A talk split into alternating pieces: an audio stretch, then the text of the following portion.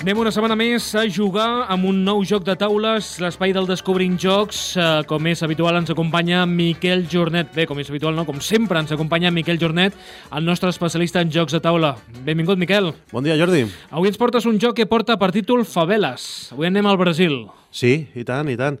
Un joc maco de, de presentació, com veuràs, i també de components, eh, que ens trasllada a aquests barris de, de Rio de Janeiro, però en positiu. Ja veuràs com el tema agrada als nostres oients.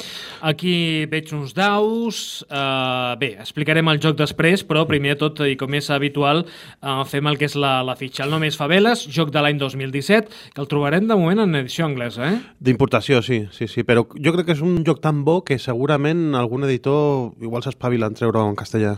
L'autor, És un noi que es diu Chris Bryan, l'artista gràfic, Quancha i Morilla, l'editor, With Kids, la- d'aquesta edició anglesa, número de jugadors, de 2 a 4 jugadors, edat recomanable, a partir de 14 anys, amb temps de partida. uns 30 minuts, Quines són les mecàniques que utilitzarem en, en aquest joc? Doncs és un joc eminentment de col·locació de rajoletes i també un joc de majories que diem o de control de zones. La posició. Mira, ha passat bastant desapercebut des de que va sortir el darrer Festival d'Essen i de moment està al 5.210. Però eh, per això estem aquí a la ràdio per reivindicar Mhm. eh, aquest joc de, de taula. La nota, Té un 6 amb 7 per la gent que ja l'ha jugat, el preu, surt per uns 35 euros, aquí hi ha uns daus que estan molt ben treballats. eh? Eh? cartró i tot ja veuràs. Exacte. A qui agradarà? Doncs mira, agradarà a aquelles persones que els entren els jocs pels ulls. Faveles és un joc colorista, alegre i ben produït.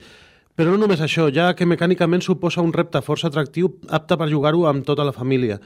Però també pot esdevenir un filler, que és el que nosaltres diem jocs d'aquests per omplir les estones entre joc llarg i joc llarg, que fa pensar fins i tot a jugadors avançats.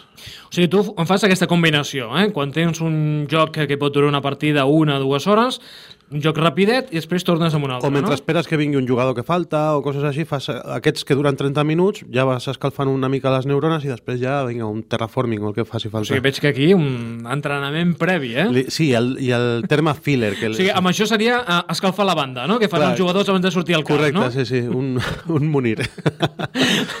un, home, ara juga més. Uh, un escalfador de banda, Sí, seria sí. aquest el, el Faveles. Home, ja que parlem de Brasil i parlem de futbol, no? Clar, clar, Eh, tindria sí, aquesta, aquesta relació. Felicitats, acabes de ser seleccionat per supervisar les tasques de millora de les icòniques faveles de Rio de Janeiro. Aquests barris de petites cases apilades i en constant evolució presenten molts reptes socioeconòmics i darrerament s'han beneficiat i envellit gràcies a l'arribada de diferents comunitats d'artistes. La mala notícia és que el Consell que aprovarà el finançament és molt indecis i sempre canvien d'opinió. Hi ha moltes cases de color groc, falten cases grogues, sobre el color lila. Encara no hi ha suficient lila al barri. Sí, com sigui, volem la major varietat de colors, oi? Si et guanyes la confiança del Consell, tot pagarà la pena, però ho hauràs de fer durant els 3 anys que dura el projecte. Tens la paciència i l'astúcia per apuntar-te a aquesta victòria o deixaràs que algun altre planificador se l'emporti. No estarem 3 anys jugant a aquest joc, però sí que són eh, 30 minuts de partida, mitja horeta, vull dir que està força bé. Tres rondes de 10 minuts cada ronda, més o menys, doncs és, però equival a 3 anys de l'envelliment de, de vell, no de, no de, de vell en el, de bonic, eh, de la, del barri de, de les faveles, no? perquè és un projecte, és un barri que, que crida molt l'atenció als turistes i allà a Brasil pues, eh, l'Ajuntament eh, ha tirat endavant aquest projecte i nosaltres som els planificadors no? i hem de batllar una mica i guanyar punts de victòria perquè al, cap i a la fi és un, és un joc de taula fent el que més es pagui no? i com sabrem el que més es paga? Pues, amb els daus que tenim ara mateix fem una tirada, a veure Jordi, me'ls deixes? Fem una tirada, més són de diferents colors. Eh? Sí, tenim sí, un són- blau, tenim un lila, un groc... Sí, que, que cadascú representa un, els colors de les faveles, no? menys un que és transparent. Aleshores, es col·loca en el tauler en, en les seves posicions perquè és un truquel ja específicament en el, en el tauler de puntuació i això ens determinarà en el primer any que qui tingui la majoria de faveles de color blau, el dau de color blau eh, té la cara cap amunt del número 5, vol dir que qui guanyi en faveles de color blau eh, en, la, en el primer any Tindrà cinc eh, punts. tindrà 5 punts.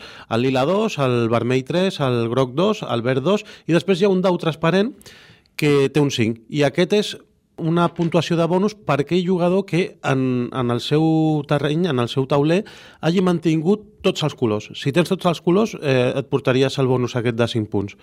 Clar, mm, aquí tens ja la, la decisió de què vaig? Vaig a pel blau, que dona 5 punts i a lo millor m'oblido de fer tots els colors perquè, perquè al final vas construint agafant rajoletes del, del centre del tauler que són així de dos hexàgons enganxats. Cada vegada que ens toca la ronda hem d'agafar una rajoleta. Sí, tenim tres a la vista eh, que podem agafar les tres i després hi ha uns, unes a la pila que podem agafar també tipus aventureros al tren. No pots agafar la que hi ha coberta o, o de les que hi ha descoberta una, no? Agafes una, la poses i, i, i tapes. Eh, es va construint a sobre, no, no es va posant als costats, sinó que sempre anem construint a sobre del, del tauler que té un número limitat d'hexàgons, no? Anem construint, cada hexàgon representa una favela i eh, així anirem fent mm, majories de colors, no? Ara mateix, si jo col·loco aquesta que té dos hexàgons grocs al costat de, del meu groc, ja tinc tres. Ara miraríem qui té més i si jo sóc el que més té, doncs m'emportaria els punts, que en aquest cas són pocs, són dos punts, però dintre de, de la mateixa dinàmica de lloc hi ha una, una forma d'anar pujant i baixant els daus aquests que són els que donen els punts,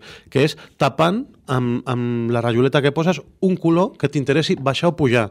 I aquí ja entra la gràcia, perquè tu intentaràs pujar el que tu vas, però intentaràs abaixar els daus el que van els altres jugadors, no? I aquí ja entra una mica la interacció, eh, o el puteo, digue-li com vulguis. Eh, també hi ha rajoles individuals, que no són com aquesta parella d'hexàgons que van enganxats, sinó rajoles d'un únic hexàgon. Quan agafes aquesta i la col·loques el que pots bellugar cap amunt o cap avall és el dau transparent, que és el que dona punts per tenir la diversitat de tots els colors en el tauler. I també està interessant que dintre de la pila de rajoles que anem robant es prepara i tenim una rajola que diu, aquí posa year end, eh, que acaba l'any, dintre de les quatre últimes de cada pila. Això implica que sabrem més o menys quan acaba o, o l'any. O sigui, ens ho podem imaginar que quan arriben les quatre últimes rajoles de la pila que estem robant, Eh, atenció perquè pot estar ja la... Però és una mica també com el pandèmic. Quan em surt l'epidèmia? Pues aquí és quan sortirà... Dura una ronda més o, o acabo ja o faig aquesta jugada per tal. I aquesta indecisió també eh, juga, és una mica de caos, afegeix una mica de caos, però que també l'hem de tenir en compte. Aleshores, acaba la ronda, eh, pot acabar més abruptament, eh, tal com hem explicat, i aleshores fem el recompte de punts. I després es comença un altre any tirant un altre cop els daus, establint uns nous eh, preus per punts de, dels diferents colors de les faveles i després un, un tercer any i al cap dels tres anys el que més punts hagi acumulat és el guanyador de la partida. Doncs interessant aquest joc de, de faveles. Uh, veig que aquí a la taula havies deixat uh, unes quantes fitxes, jo mm. sé que poques, però veig que n'hi ha no, no. obert la capsa eh, eh, i veig fet, que n'hi ha moltes més. Eh? He, he simulat com un primer any, però ah, exacte, seria exacte. tres vegades més, sí, mm -hmm. sí. Curiositats, mira, l'artista gràfic, que és Juancha i Morilla, aquest senyor es va fer famós gràcies a la Board Game Geek, aquesta web, perquè publicava redissenys de jocs. Ell tenia jocs de taula que no li agradaven com estaven dibuixats i els redibuixava i els compartia. Deia, mira, no els compartia lògicament tot el, tot el treball, sinó que feia fotos i deia, mira, doncs jo m'he fet aquest joc que no m'agrada, no, dic, no dic un nom, però ens imaginem qualsevol joc, i l'he fet així. I la gent flipava i li feien molts comentaris, ostres, doncs és un il·lustrador, no? Ostres, t'ha quedat molt guai, no sé què. I va començar així de manera amateur fins que les editorials s'han fixat en el que fa i ja està treballant de manera professional per editors. Això li va servir per publicitat, eh? Clar, al fin, però va al final, jugar bé les seves cartes. Ell ho, fa, ho, va, ho va fer per gust i després li va servir per, per introduir-se dins del sector. I després, temes que m'agraden. Eh, M'agrada que el tema és en positiu, perquè és eh, l'envelliment, el guariment de, del barri i les faveles de Rio de Janeiro, no? que, que quan escoltes un, un nom que és faveles, ves a saber el, el que pot ser. No? Pues aquí és molt colorista, és, és, és molt bonic, és molt familiar. Després la producció, ja veus el cartró, el gramatge que té aquest cartró és impressionant. Jo no he vist unes rajoles tan grans de, de cartró i els daus són preciosos, són, són grans, són, són d'aquest plàstic transparent, són, són molt xulos. També el tauler on es posen els daus es, es, els posa si no es mouen d'allà perquè és un forat que es fa amb el mateix truquel de, de la peça i tal. Coses que no m'agraden. El preu, pel que és, tot i que és molt bonic, 35 euros, és un joc d'importació, suposo que també has de calcular el tema dels costos que, que implica que el portin dels Estats Units cap aquí i tal, però 35 euros podria ser una mica més barat. Jo uns 29, uns 28 euros seria un preu eh, millor. I després un detall que tota aquesta producció tan espectacular i s'han deixat una bossa de tela que jo he hagut de portar d'un altre lloc per posar les rajoles. Aquesta bossa no venia i, i s'agraeix. Eh? eh? Un joc que té tantes rajoletes així tipus, tipus genial perquè a les que més recorden són a les del Genial, la gent que segurament que són aquests dos hexàgons enganxats, però són més boniques aquestes, de, de, les altres són un puntet o una cosa així. Aquestes són unes faveles superguapes, la producció és espectacular, però aquest detall de la bossa s'agrairia. Doncs si us compreu el Faveles, eh, demaneu-li una bossa al Miquel Jornet. Eh? Sí, jo les que, les que tinc pues em quedo sense. Gràcies, Jordi. Eh? Faveles, aquest joc, eh, quina música posarem avui? Suposo que música brasilera. Home, i tant, i d'un barri de faveles que és el barri de Candel, i eh, bueno, el més famós de Candel és el Milagro de Candel del Carlinhos Brown, no?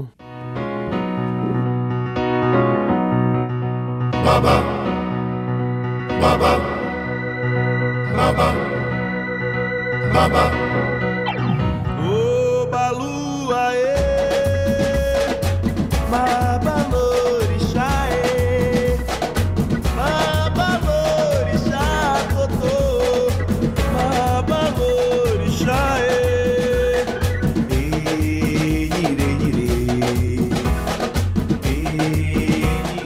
Música de Faveles finalitzem el Descobrint Jocs d'avui, dedicat a aquest joc anomenat Faveles, joc interessant que ens ha recomanat Miquel Jornet. Miquel, fins la propera. Vinga, Jordi, que vagi molt bé.